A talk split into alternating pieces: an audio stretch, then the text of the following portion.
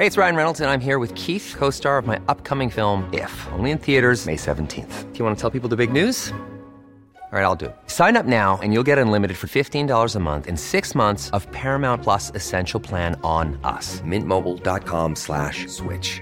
Upfront payment of $45 equivalent to $15 per month. Unlimited over 40 gigabytes per month. Face lower speeds. Videos at 480p. Active Mint customers by 531.24 get six months of Paramount Plus Essential Plan. Auto renews after six months. Offer ends May 31st, 2024. Separate Paramount Plus registration required. Terms and conditions apply if rated PG. Mother's Day is around the corner. Find the perfect gift for the mom in your life with a stunning piece of jewelry from Blue Nile. From timeless pearls to dazzling gemstones, Blue Nile has something she'll adore. Need it fast? Most items can ship overnight. Plus, enjoy guaranteed free shipping and returns. Don't miss our special Mother's Day deals. Save big on the season's most beautiful trends. For a limited time, get up to 50% off by going to BlueNile.com.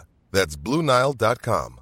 Quality sleep is essential. That's why the Sleep Number Smart Bed is designed for your ever evolving sleep needs. Need a bed that's firmer or softer on either side? Helps you sleep at a comfortable temperature? Sleep Number Smart Beds let you individualize your comfort so you sleep better together. JD Power ranks Sleep Number number 1 in customer satisfaction with mattresses purchased in-store. And now, save 50% on the Sleep Number limited edition Smart Bed for a limited time. For JD Power 2023 award information, visit jdpower.com/awards. Only at a Sleep Number store or sleepnumber.com. I can discuss some of the psychological aspects of the case. You've got to get a hold of yourself. Now look here, Johnson, I'm going to get to the bottom of this. I can discuss some of the psychological aspects of the case. And you're really crazy, you know that? Oh, yes, I remember that. Is this any concern of yours? Stop, stop, it now. I mean it.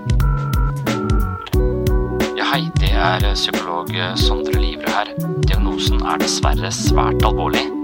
Det viser seg at alt du tenker og føler er feil. Du må for all del ikke stole på hjernen din, den lyver. Alt du opplever er filtrert via nevroser fra ubevisste avkroker. Hvis du følger nøye med, er det en liten mulighet for at jeg kan hjelpe deg. I discussed some of the I discussed some of the I discussed some of the psychological aspects of the case. Well, I'm just losing my mind, that's all. Du må ikke tro på hjernen din. Den lyver. Vi er jo mennesker fulle av nevroser. Det er det som gjør oss til sjarmerende idioter. I dag har jeg lest en eh, ny bok som jeg, bare for å finne mer sånne finurlige sosialpsykologiske eksperimenter som underbygger det man, ideen om at alt vi tenker og føler er styrt av masse faktorer vi ikke er klar over. Så jeg driver og maser om at alt vi tenker og føler er feil. Og så skjønner jeg kanskje litt etter det at jeg ikke, egentlig helt liker eh, setningen selv, da. For jeg syns den der eh, ordet feil er eh, Det har en provokativ verdi, men utover det så mener jeg at det er feil å si at det er feil. For det man ville heller sagt at det vi tenker og føler, er sånn som det er. Men hva er årsaken til at vi tenker og føler akkurat sånn? Det er jo det denne setningen skal liksom anspore oss til å tenke litt over, da. Fordi at vi er styrt av så innmari mange krefter vi ikke er klar over, noe som også gjør at vi bør ha et litt mer kritisk blikk da, på alt, vi, alt det hjernen vår koker sammen av eh, ideer, og alt det som da utgjør grunnlaget for handlingene våre. Så denne gangen så har jeg lest eh, en bok av en, en sånn New York Time-spaltist som heter David Brooks. Og det er typisk disse litt sånn prisbelønna journalistene som klarer å koke sammen sånne eh, sosialpsykologi på en artig måte. Og den boka heter The Social Animal. Da. Det er igjen da en slags under en, en, bok som dreier seg om hvordan eh, vi er motivert, og hva som ligger bak kulissene på atferden vår, da, eller det vi holder på med. Ja, der eh, er det vanlige spørsmålet på agendaen nok en gang. Hva er det som ligger under panseret på den menneskelige syke? Hva er det som får oss til å gjøre akkurat det vi gjør, tenke akkurat det vi tenker og føle akkurat det vi føler? Og ikke minst, hva er egentlig psykiske lidelser? Hvordan skal vi forstå det? Hva er angst, hva er depresjon, hva er en personlighetsforstyrrelse, hva ligger bak en psykose? Og det å virkelig grave seg ned og finne ut av ulike faktorer som påvirker den situasjonen vi er i, den sinnsstemningen vi er i, altså status presens, hva er det som på en måte motiverer oss? Hva ligger, hva er ingrediensene i vår eh, motivasjon? Og jeg har nevnt det mange ganger på denne podkasten, men det viser seg at eh, hjernen prosesserer 11 milliarder bits i sekundet, og vi er oppmerksom på 40 av de. Så hva som får oss til å tippe i ulike retninger, det kan vi tro vi vet, men veldig ofte så vet vi nesten ingenting om hva som eh, styrer oss. Og da vet vi heller ikke hvorfor vi reagerer på enkelte ting på uhensiktsmessige måter, og da har jo Freud foreslått at eh, det å bli et litt større menneske med et litt videre perspektiv. Det handler om å gjøre det ubevisste bevisst, og hvis vi ser ting i de ubevisste, så kan vi oppdage en del av de algoritmene som driver og trigger oss til atferd vi egentlig ikke er spesielt godt tjent med.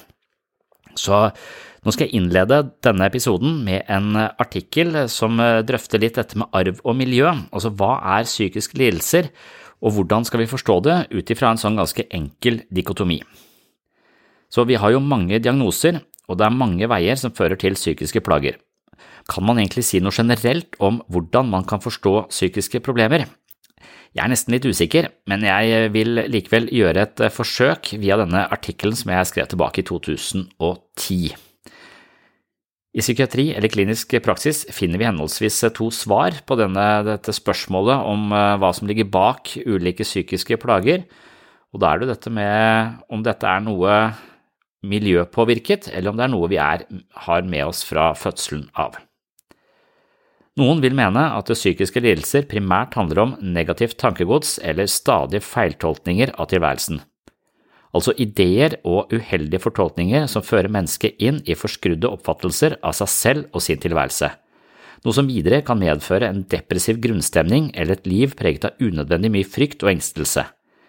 I tillegg rammes man gjerne av en følelse av å være unormal, og unormale mennesker trekker seg gjerne tilbake som en reaksjon på opplevelsen av å ikke passe inn.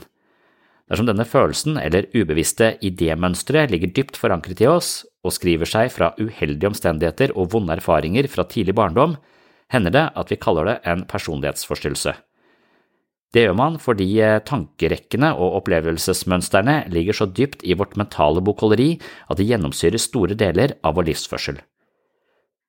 Senere opplevelser og vanskelige livssituasjoner kan gi seg utslag i ulike symptomer som angst, depresjon og søvnproblemer osv.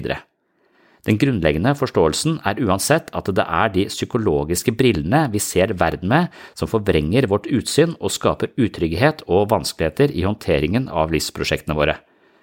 Vi styres av ideer med en uheldig undertone som fører til konflikt og psykiske symptomer.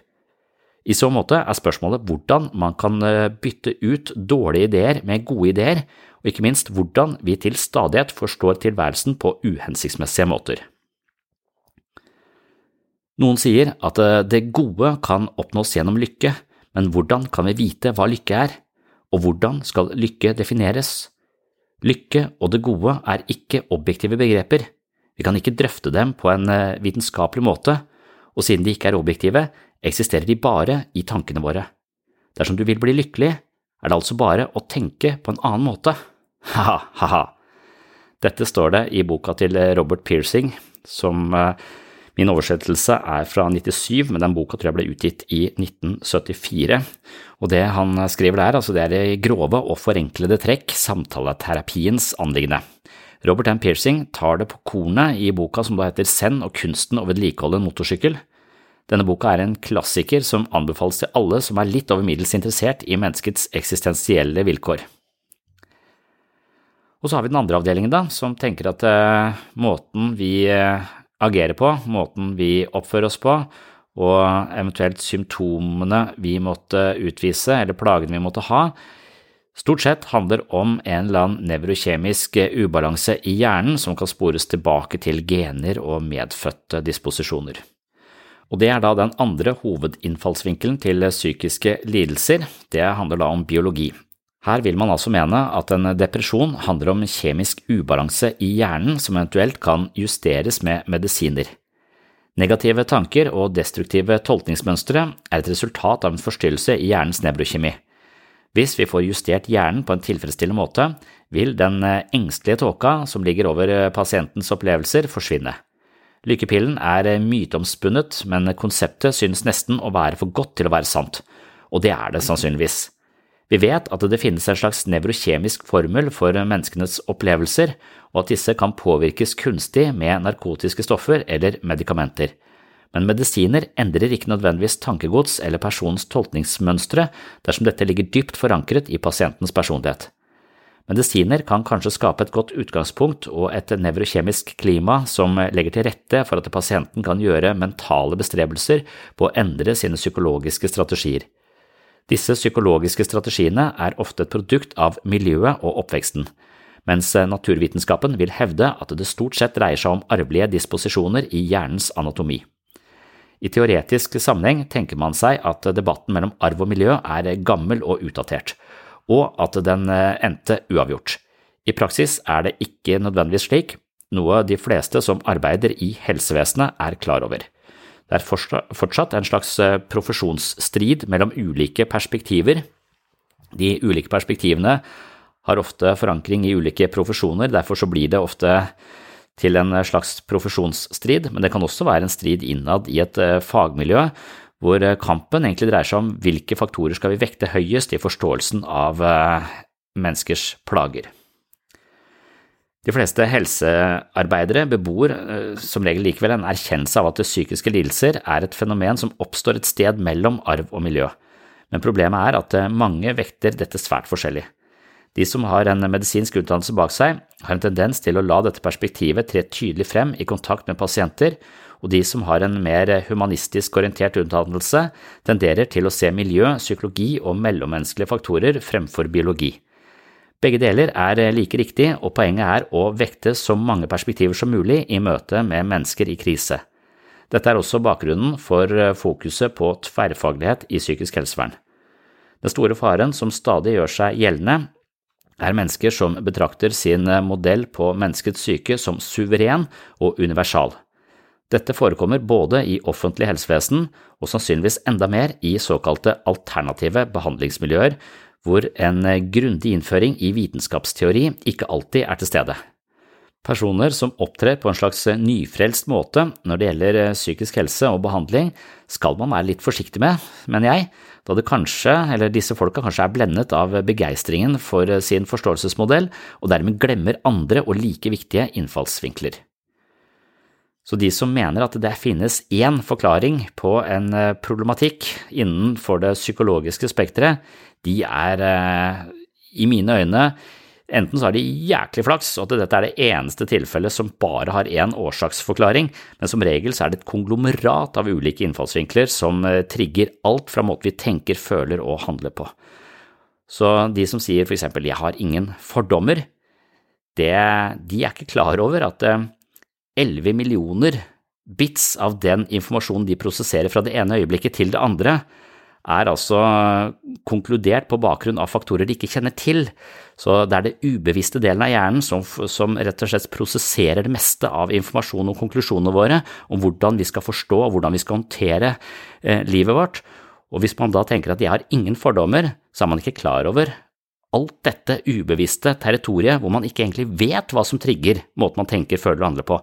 Man kan ha en eh, ideologi, om man kan ha en idé eller et ønske om å være uten fordommer, men eh, de som påstår å være uten fordommer, de har som regel ikke dykka så langt ned i seg selv. For hvis man tar et lite kikk innover i seg sjøl og begynner å kjenne etter eller forstå omfanget av hvor mange faktorer som påvirker oss uten at vi veit det, så er det nesten hasardiøst å påstå at du ikke har noen fordommer, for du har så mange algoritmer som styrer deg som du overhodet ikke er klar over, og de kan være programmert veldig fordomsfullt.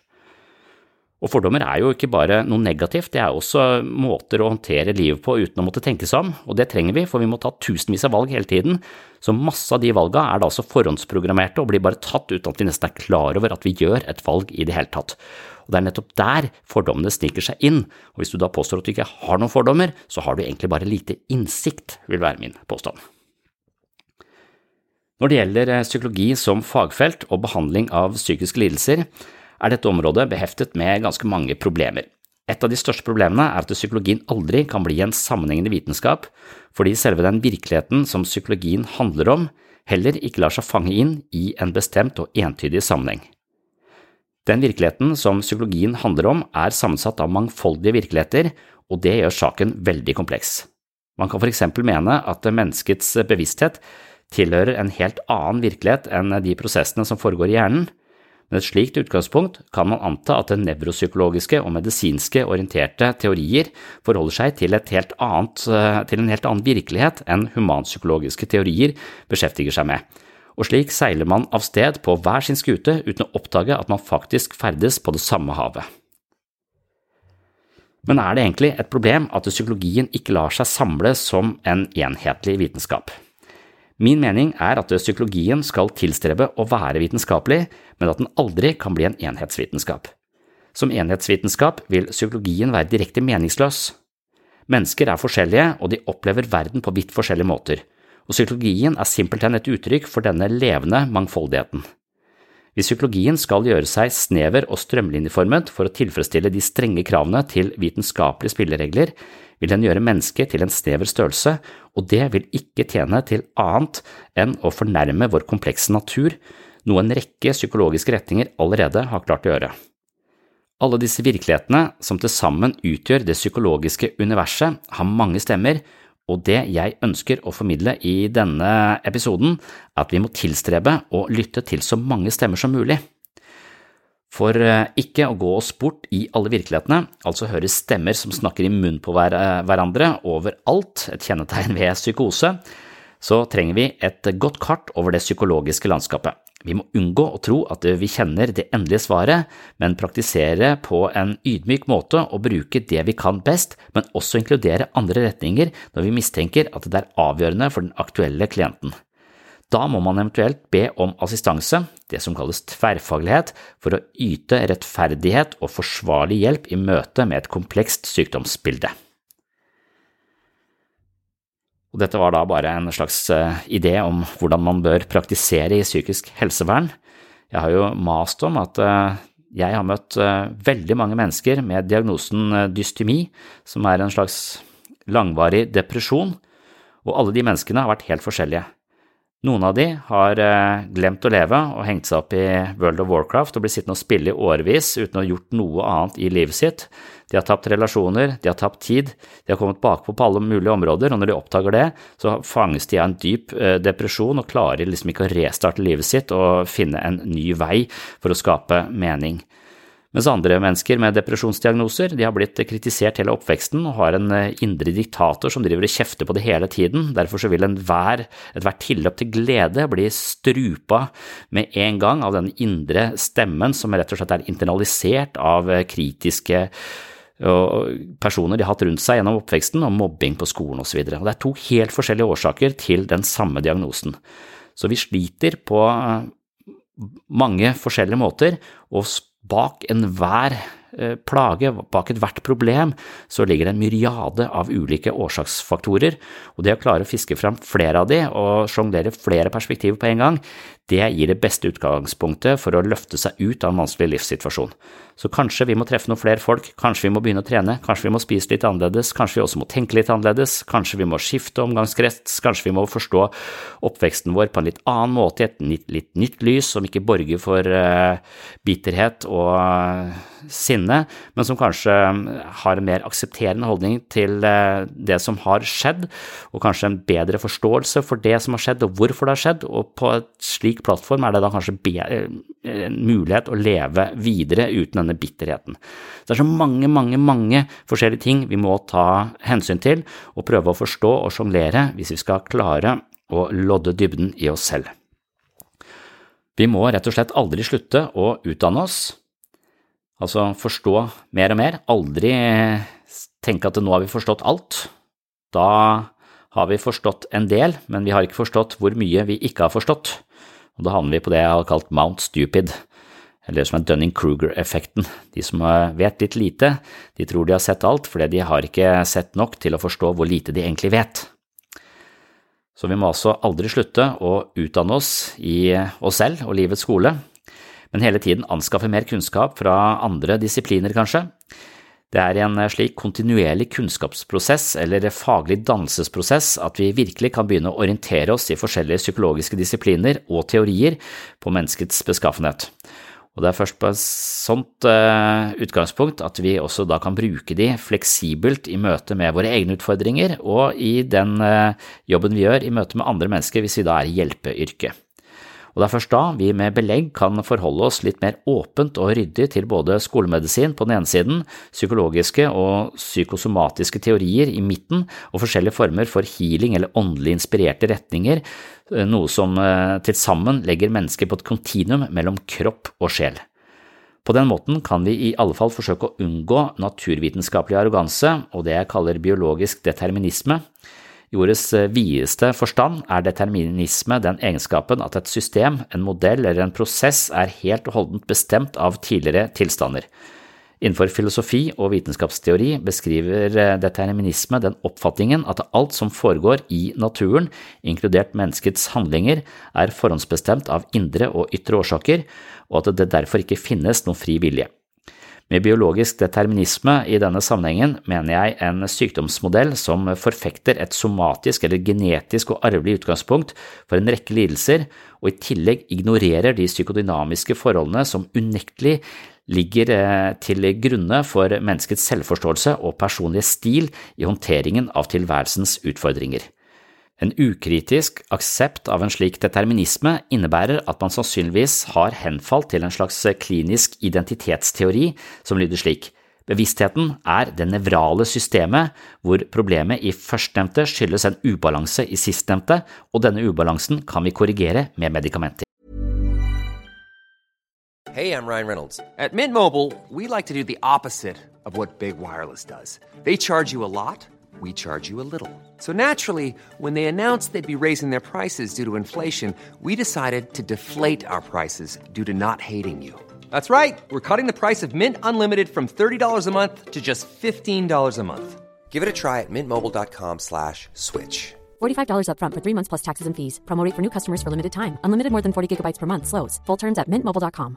Quality sleep is essential. That's why the Sleep Number Smart Bed is designed for your ever evolving sleep needs. Need a bed that's firmer or softer on either side? Helps you sleep at a comfortable temperature? Sleep Number Smart Beds let you individualize your comfort so you sleep better together. JD Power ranks Sleep Number number 1 in customer satisfaction with mattresses purchased in-store. And now, save 50% on the Sleep Number limited edition Smart Bed for a limited time. For JD Power 2023 award information, visit jdpower.com/awards. Only at a Sleep Number store or sleepnumber.com. One size fits all seemed like a good idea for clothes. Nice dress. Uh, it's a it's a t-shirt. Until you tried it on. Same goes for your healthcare. That's why United Healthcare offers a variety of flexible, budget friendly coverage for medical, vision, dental, and more. So, whether you're between jobs, coming off a parent's plan, or even missed open enrollment, you can find the plan that fits you best. Find out more about United Healthcare coverage at uh1.com. That's uh1.com. Dersom vi alltid passer på å bevege oss eh, videre rent faglig sett, vil vi også unngå å henfalle til kvakksalvere på det alternative markedet og lære oss å se forskjellen på et velinformert behandlingsopplegg og et åndelig og dårlig begrunnet vekkelsesprosjekt i jungelen av alternative behandlingstilbud. Mellom disse ytterpunktene finner vi imidlertid en rekke skoler som handler om menneskets utvikling og helbredelse, Healere, yogier, psykoterapeuter, psykologer, fysioterapeuter, refleksologer, medisinere, homopater, osteopater og kiropraktorer er bare et lite fåtall av behandlere som kurerer mennesker i sitt daglige virke. Ulike behandlingsformer vitner om ulike måter å forstå menneskets natur på. Spørsmålet er om det er problematisk med mange innfallsvinkler, eller om det er et uttrykk for rikholdighet i pleien av mennesket. Mennesket har til alle tider søkt å verge seg mot sykdom. De har søkt å verge seg mot lidelse og død, både ved hjelp av religion, tro, bønn, amuletter, fetisjer osv., men også med medisin, det være seg planter, dyr, deler av dyr og mennesker, deres utsondringer og avfallsprodukter og mye mer, samt gjennom direkte kirurgiske inngrep. Presten, magikeren, trollmannen, den kloke mannen, den kloke kona, apotekeren og legen, og kanskje psykologen, har et eh, indre familiefellesskap som har sin bakgrunn i menneskets egen situasjon. Jeg vil mene at eh, mange innfallsvinkler representerer et tiltrengt mangfold i forståelsen av mennesket, og spesielt menneskets psykologi, eller forholdet mellom syke og soma. Dog vil jeg anbefale at man eh, krever ganske stor grad av etterrettelighet og faglig forankring i de ulike perspektivene. Mange alternative behandlere baserer seg på en form for eh, diffuse evner i behandlingsøyemed, og da er faren stor for at man møter en person som egentlig baserer sin eh, behandling og forståelse av psykisk helse på talegaver og forføreriske evner. I så måte er det eventuelt eh, placeboeffekten som representerer det kurative elementet, noe som kanskje også er helt greit. Som andre ord, vær litt nysgjerrig, aldri tro at du har forstått uh, deg selv helt til bunns, og aldri gi opp, for som regel så er det perspektiver du selv ikke har sett, du selv ikke er klar over, og når du er langt nede, så et av kjennetegnene på å være deprimert, det er at det snevrer inn perspektivene dine og den evnen du har til å se andre muligheter og andre løsninger. Så det mener jeg er ganske håpefullt. Og for å overbevise oss om at det er på den måten, så har jeg også lest denne boka til han eh, David Brooks fra New York Times, eller denne New York Times-spaltisten som har skrevet denne boka som heter eh, The Social Animal, og han eh, presenterer da en hel haug av artige studier som viser hvor lite vi egentlig vet om hvorfor vi gjør akkurat det vi gjør. Og blant annet så viser han at eh, hvis du går inn på butikken og har en helt klar agenda om å handle en, de tingene som står på handlelista di, så kan det være at du kommer ut med flere poser enn det du egentlig hadde trengt. Og det kan hende at du bare har blitt frista gjennom denne butikken, at du har sett ting du kom på at du også trengte. Men en av de faktorene som kan påvirke deg, det er hvis denne butikken har lagt inn et lydspor, eksempel ved frukt- og grøntavdelingen, hvis du da hører en sånn jungellyd ved frukt- og grøntavdelingen, og når du kommer over til fiskedisken hører eh, lyden av bølgeskvulp, så er det forsket på at hvis en eh, butikk legger inn sånne lydspor til de ulike avdelingene, gjerne litt sånn bakgrunnsmusikk også, i butikken sin, så begynner folk å gå litt langsommere. De går litt treigere gjennom butikken, og når de behold, da oppholder de seg lenger i butikken, sånn i gjennomsnitt, og når de oppholder seg lenger i butikken, så kjøper de litt mer. Så et lydspor i uh, butikken, det vil også ende med en bedre omsetning for denne butikken som da har eh, investert i noen høyttalere her og der. Så vi tror kanskje vi handler det vi trenger, men vi kan være påvirka av sånne ting også, og det er vi ikke klar over. Det viste seg også at eh, hvis du ber folk om å lese ord som er assosiert med alderdom, for eksempel ord som napoleonskake, camphor drops, Gran Canaria, fyrstekake, rosenkål og steik. Så når du, når du, fikk folk til å lese opp disse ordene assosiert med pensjonisttilværelse, så viste det seg at de gikk litt langsommere over parkeringsplassen etter ja, endt forsøk, da, for de kom inn og skulle bare lese opp disse uh, på et universitet, og når de da gikk tilbake til bilen sin over parkeringsplassen, så gikk de langsommere enn kontrollgruppa som bare hadde lest opp helt tilfeldige ord som ikke hadde noen spesielle assosiasjoner til alderdom. Så det å bare høre en del ord som er assosiert med alderdom, det får deg til å gå saktere. Og det er alle disse tingene her sånn som er så interessante, og som virkelig viser oss at ah, vi trodde vi veit eh, hva som eh, skjuler seg bak sceneteppet på vår egen motivasjon og på vår gjøren og laden i det daglige livet vårt, men vi veit altså veldig, veldig lite. Men det å vite mer, det kan ha en ganske stor effekt.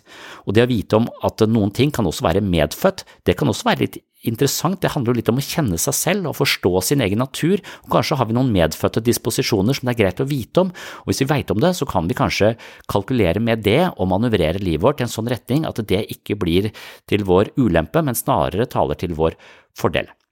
Og jeg vil eh, avslutte dagens episode med noen eh, små innspill til hva som kan være medfødte faktorer som eh, vi kanskje bør vite om, og som kan påvirke livet vårt i ganske stor grad.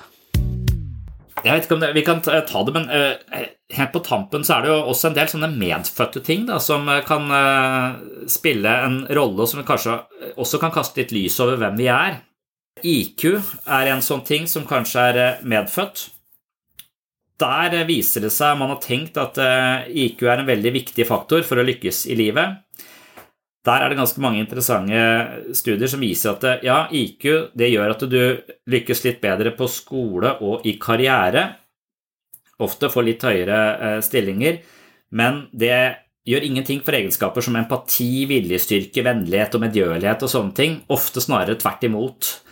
Så alt i alt da, så er det noe som heter eh, The Cambridge Handbook of IQ.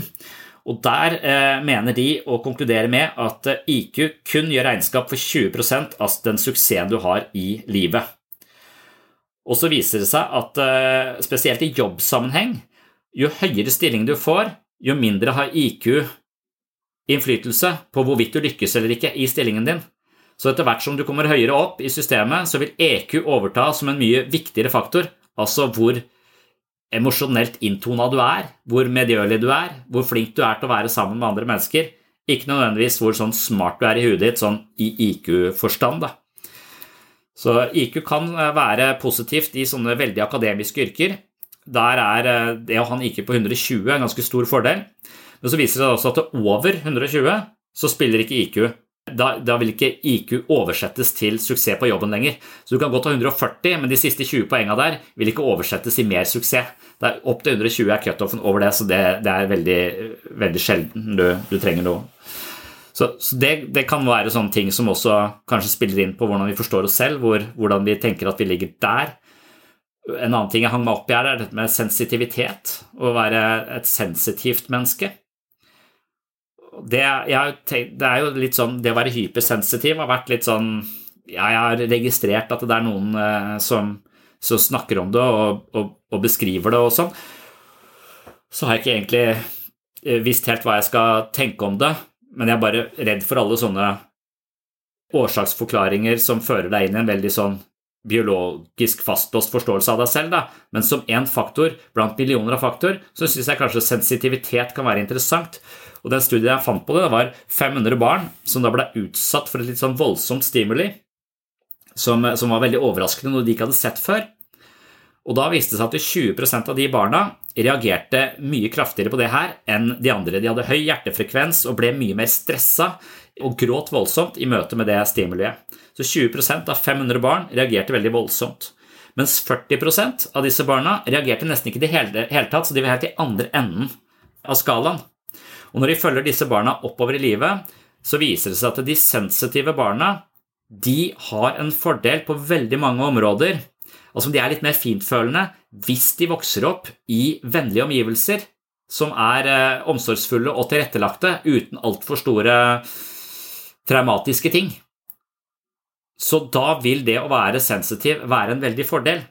Men hvis du blir utsatt for mye faenskap, så vil det å være sensitiv fungere motsatt. Altså Da vil du være mer tilbøyelig til å oppleve mye stress, angst og, og få psykiske plager. Så det kan, være, det kan spille til din absolutte fordel, men det kan også spille til din absolutte um, ulempe, avhengig av konteksten det får utspille seg i. Så det syns jeg var en, um, var en interessant uh, ting av de tingene vi tenker er medfødte. da. Og En siste ting som jeg kanskje kan, vi kan gå ut på, er dette med den marshmallow-studien, som også man sikkert en sånn sosial ting, det også, men, men, det viser seg at hvis du setter barn foran en marshmallow Det viste seg i dette studiet, da. Du, du, skal sitte her i 20 minutter uten å spise den marshmallowen, og så, hvis du klarer det, så skal du få lov til å spise den, og skal du få en til av meg. Og da er det noen barn som klarte det. Og noen barn brukte ganske avanserte teknikker på å distrahere seg selv osv. Mens eh, noen barn klarte ikke det. Og når du møter de folka 30 år seinere, så viser det at de som ikke klarte å holde ut og ha impulskontroll, de har en større forekomst av kriminalitet, psykiske plager og rusmisbruk. Mens de folka som klarte å vente med å spise marshmallowen, eller de barna, de har senere i livet også eh, en bedre livssituasjon. De har litt eh, høyere jobb, litt, eh, eller litt høyere stilling, litt bedre utdannelse og tjener litt mer. Så de har klart seg bedre i livet sitt. Så impulskontroll er en eller annen faktor som har en predikativ verdi fram i, i tid. Og så er denne studien kritisert fordi at i noen kulturer så vil det være uhensiktsmessig å vente, fordi du har ikke grunn til å stole på myndighetspersoner, så det er mye lurere å spise nå, hvis ikke så går du glipp av hele greia. Så det er egentlig ganske rasjonelt da, å ta den marshmallowen med en gang. Så det er en kulturell faktor her som spiller en stor rolle. Men Det er interessant nok, men det som jeg syns var interessant her, som jeg ikke visste om denne studien, var at de også har eh, sjekka om dette trekket med impulskontroll er mulig å påvirke. Og når du da lærte barna om denne eh, egenskapen som kalles impulskontroll, eller virkelig forsto og lærte de teknikker for å utsette og klare seg gjennom denne 20, eh, perioden på 20 minutter, for så å få denne belønningen litt fram i tid Når de ble opplært til det, så var det en eh, faktor som korrigerte for denne forskjellen 30 år seinere i tid. Så det betyr at det, alle disse algoritmene som er i oss, hvis vi lærer annerledes, så kan livet vårt se veldig annerledes ut der framme. Og det gir for meg et litt sånn håp til psykologi, da hvis vi kan hjelpe barn som har lav impulskontroll, til å trene på det, så kan det være at livet deres 30 år fram til ser helt annerledes ut. Og kanskje vi har en medfødt svakhet eller ikke-svakhet for akkurat det med impulskontroll, eller det med intelligens, eller det med sensitivitet. Og hvis vi klarer å forstå litt av de faktorene og legge litt til rette for det, lære å leve med det og utnytte det på best mulig måten, så vil det gjøre en forskjell. Så jeg synes Det er interessant at kunnskap og innsikt allerede på disse barna som da manglet litt impulskontroll, når de lærte seg det og fikk hjelp til det av voksenpersoner, så ser livet deres ganske annerledes ut der framme. Ikke hver enkelt, men på gruppenivå. Tendensen til at det er mulig å korrigere dette på tidlig stadium. Livsmestring. Kanskje det kan gjøre en stor forskjell der framme. Det er fryktelig vanskelig å måle, for hvis vi gjør det, så vil de kanskje På enkeltindivider kan vi ikke se dette, men på gruppenivå så ser vi at de menneskene som bare spiste marshmallow og du traff de 30 år seinere, så lå de litt dårligere an. Så hadde du de som klarte å holde ut egen, eh, for egen regning. De lå bedre an. Og så har du den gruppa som hadde dårlig impulskontroll, men som ble opplært til å kontrollere de impulsene på en bedre måte. De matcha de som hadde god impulskontroll. Så det, det, det syns jeg er litt håpefullt. da. At algoritmene er ikke skrevet i stein. Vi er ganske plastiske, og muligheten for endring er til stede. Ja, du, vet du hva, Jeg ser at jeg må gå og hente i barnehagen. Veldig godt spørsmål. Jeg kan komme tilbake til det. Kort sagt så tror jeg bare at vi har Vi er liksom der milliarder av faktorer som påvirker oss. Sensitivitet kan være en ganske viktig faktor. I de feil miljø så vil det bli ganske vanskelig, men det er ikke umulig å korrigere for. Så, så sensitiviteten er jo også en slags fintfølelse. Det er kanskje en, en tydeligere oppløsning, en bedre oppløsning på verden noe som, som, kan brukes til din fordel, men, men, hvis du er utsatt for mye faenskap, så er nok angstnivået ditt såpass høyt, så du må først lære å regulere det ned. Så da har du en ganske stor jobb å gjøre, muligens. Akkurat som hvis du virkelig skal bli profesjonell fotballspiller, for det er absolutt det du vil, men du motorisk sett egentlig ligger ganske dårlig an, så er det ikke umulig for deg å havne på Liverpool. Du må bare gjøre jævlig mye mer jobb enn noen som har det helt naturlig. Og da kan det hende det smaker bedre også når du først kommer dit. Altså den innsatsen, Det kan være ganske meningsfullt å jobbe hardt for noe og, og oppnå det. Det er det vi kanskje skal applaudere, istedenfor de som har et naturtalent og så bare faller inn i en posisjon som er veldig heldig. Det er, sånn, ja, ja. det er ikke sikkert meningen blir så stor da heller. Så, så, med ulike utgangspunkter. Men hvis vi forstår utgangspunktet vårt og, og veit om svakhetene, så er det kanskje litt som å vite hvor er det skjær i sjøen. Vi har et godt kart over, så vi kan manøvrere skuta vår på best mulig måte. Du, jeg er nødt til å stikke, for det er sånn begrensa koronatid eh, åpnings i barnehagen. Takk for i dag. Vi ses.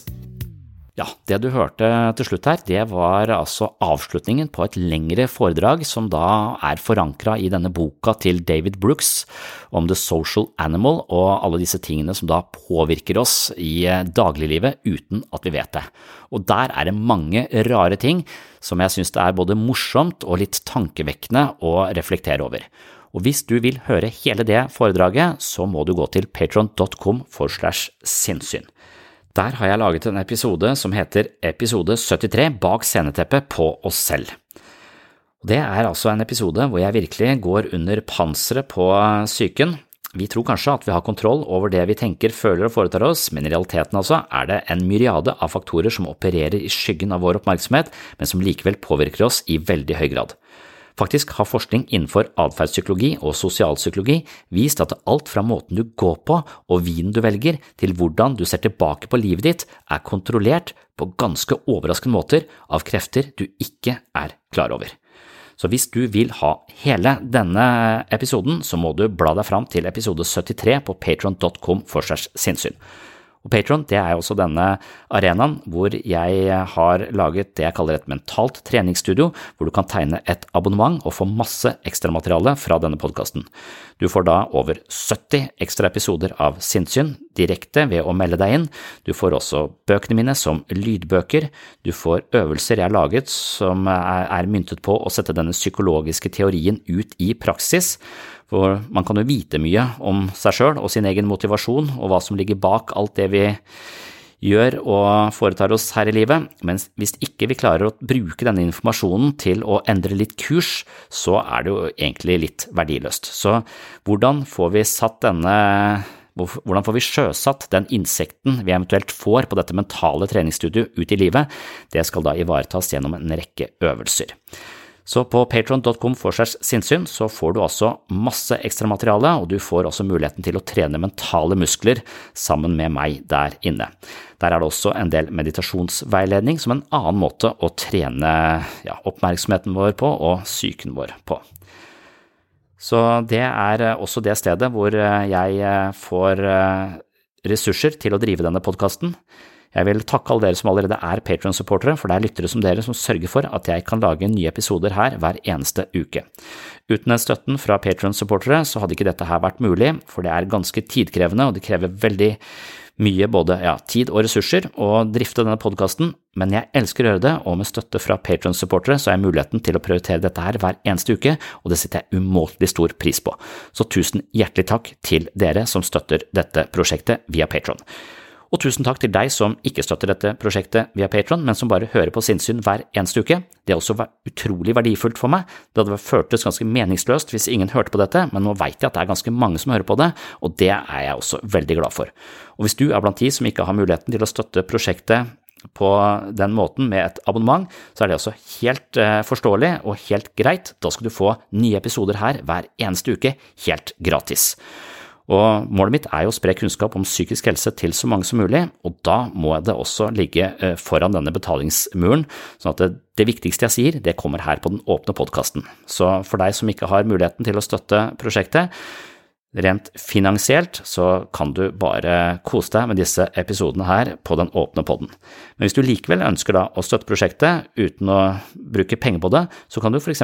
anbefale podkasten, eller du kan følge meg på sosiale medier og eventuelt dele det jeg deler i sosiale medier, sånn at det ordet sprer seg. For jo flere som veit om dette her, jo større er muligheten for å nå eh, flere mennesker og et større publikum.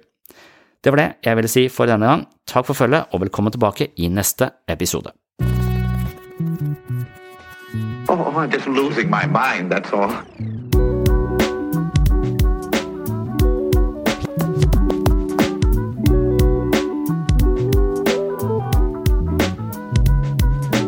I can discuss some of the I can discuss some of the I can discuss some of the psychological aspects of the case.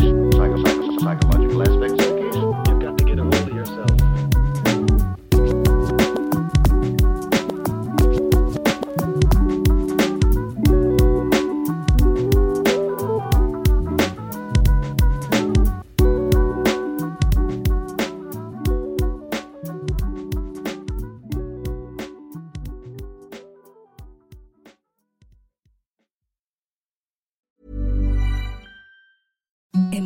The softest sheets you've ever felt. Now imagine them getting even softer over time. That's what you'll feel with Bowl and Branch's organic cotton sheets. In a recent customer survey, 96% replied that Bowl and Branch sheets get softer with every wash. Start getting your best night's sleep in these sheets that get softer and softer for years to come. Try their sheets with a 30-night guarantee. Plus, get 15% off your first order at bowlandbranch.com. Code BUTTERY. Exclusions apply. See site for details. Okay, I have two new obsessions that I need to share with you. Impress No Glue Press On Manis and Impress Press On Falsies Lashes. Trust me, these are getting ready game changers. Both require no glue, so there is no damage to your natural nails and lashes, no mess, and no annoying dry times. Just one step and you're done. Boom. Instant glam. Visit impressbeauty.com slash presson and use code PRESSON25 at checkout for 25% off Impress Manicure and Press-On Falsies. Planning for your next trip? Elevate your travel style with Quince. Quince has all the jet setting essentials you'll want for your next getaway, like European linen, premium luggage options, buttery soft Italian leather bags, and so much more. And is all priced at 50 to 80% less than similar brands. Plus, Quince only works with factories that use safe and ethical manufacturing practices. Pack your bags with high-quality essentials you'll be wearing for vacations to come with Quince. Go to quince.com/pack for free shipping and 365-day returns.